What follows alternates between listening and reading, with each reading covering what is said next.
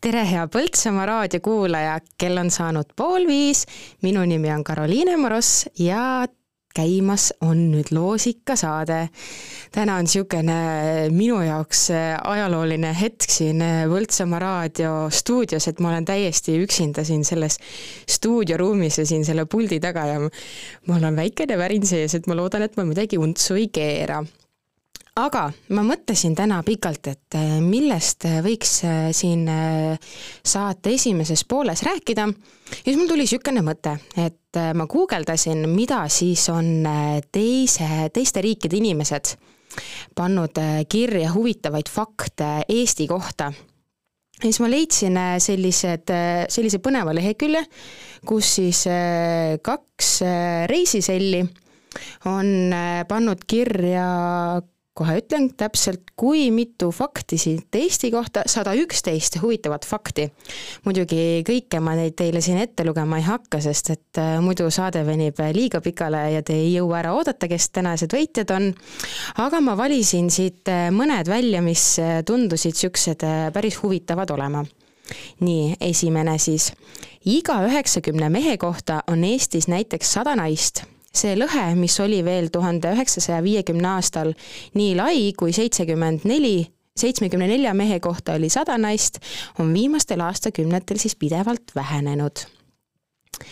keskmine pikkus on eestlastel sada seitsekümmend viis sentimeetri ja meie oleme siis ühed äh, maailm, kuulume siis äh, ühtede maailma pikimate hulka, olles kolmandad siis hollandlaste ja lätlaste järel Eesti keel kuulub soome-ugri keelte hulka, olles tihedalt seotud soome ja kaugelt seotud ungari keelega.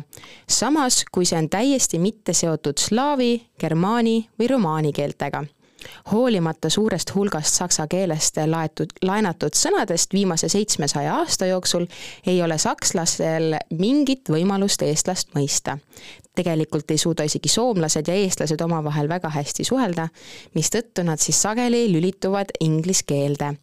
sellega nõustun minagi, et äh, ülikooli esimesel aastal õppisin äh, soome keelt ja räägitakse, et oi, soome keel ja eesti keel on äh, nii sarnased, kuigi tegelikult see, et see sarnane on, siis see tekitab pigem rohkem segadust ja ja on natukene raskendav selle arusaamise juures nii, järgmine huvitav fakt. abielu pole eestlaste jaoks eriti suur asi.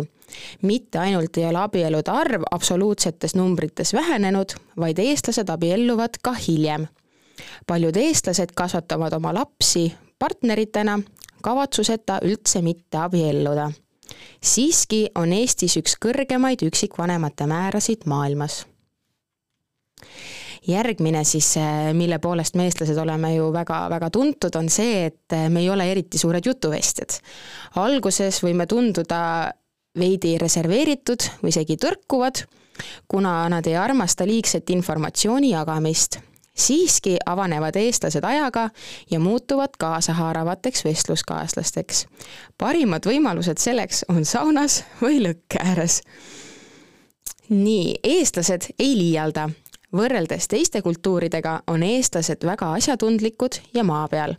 Neid tuntakse asjade kirjeldamise eest sellisena, nagu nad on, ilma et kasutataks kõikehõlmavaid ülivõrdeid. järgmine siis praktiliselt iga eestlane oskab lugeda ja kirjutada, kuna riigi kirjaoskus on üheksakümmend üheksa koma kaheksakümmend üheksa protsenti eestlased on innukad lugejad.